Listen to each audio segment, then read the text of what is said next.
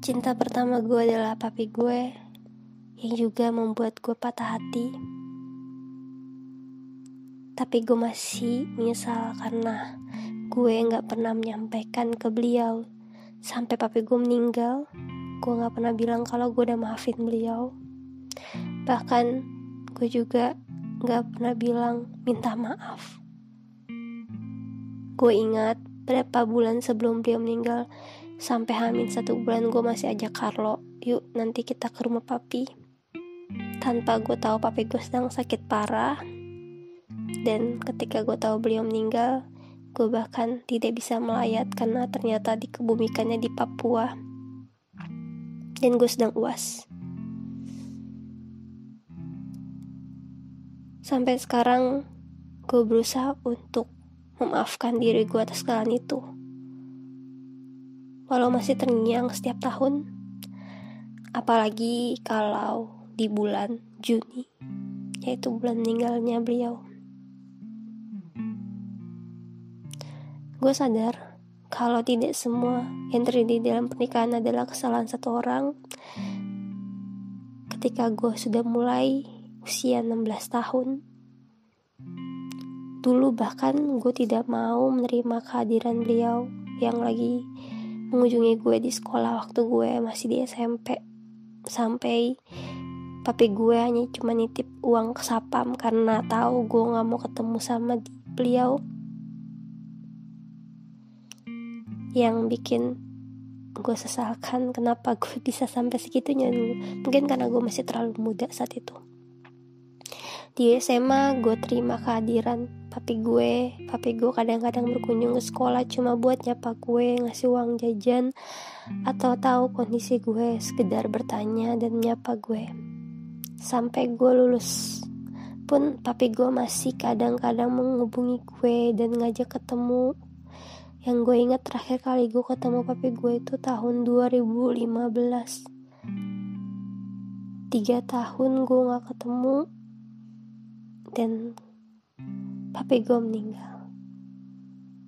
Tanpa sempat gue komunikasi karena memang yang papi gue tahu satu-satunya anak yang paling benci sama dia adalah gue. Yang paling tidak menerima yang menunjukkan rasa ketidaksukaan akan perceraian yang terjadi itu adalah gue. Karena mungkin gue masih terlalu kecil waktu itu baru mulai di usia mencari jati diri di usia SMP padahal dampak broken home itu udah dirasakan kakak-kakak gue dari gue masih SD yaitu dari pertengkaran-pertengkaran orang tua gue. Tapi mereka masih mau menjaga komunikasi sama papi gue sedangkan gue waktu itu agak susah. Makanya papi gue sampai gue udah mau nerima kehadirannya kembali mau ketemu pun papi gue masih kayak ke gue tuh kayak gue nggak ngerti segan atau gimana. Bahasanya ke gue tuh selalu sopan dan penuh cinta sampai gue maki. Bagaimanapun papi gue tetap kayak adek jangan begitulah sama papi. Dosa terbesar gue adalah gue selalu menghina papi gue bahkan di depan beliau. Mungkin itu ya akan jadi ketakutan gue nanti. Jangan sampai anak-anak melakukan itu sama gue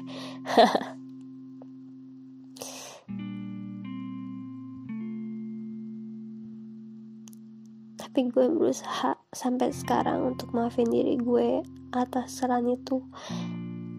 Gue berusaha untuk setulus hati mendoakan buka papi gue dan agar papi gue menerima kalau gue udah maafin papi gue agar papi gue diberikan kemudahan di akhirat agar papi gue bahagia diberikan tempat terbaik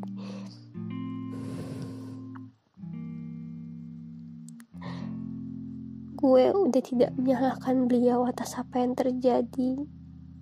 Gue tahu kalau perceraian itu bukan hal yang bisa dihindarkan, karena ketika rumah tangga sudah tidak bisa dipertahankan,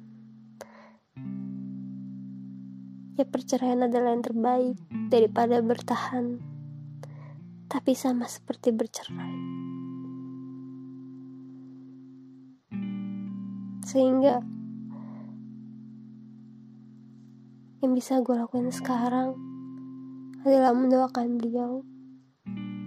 Semoga papi gue mendengar ini kalau dede sangat amat minta maaf atas perilaku buruk Dede sama papi ketika papi masih hidup.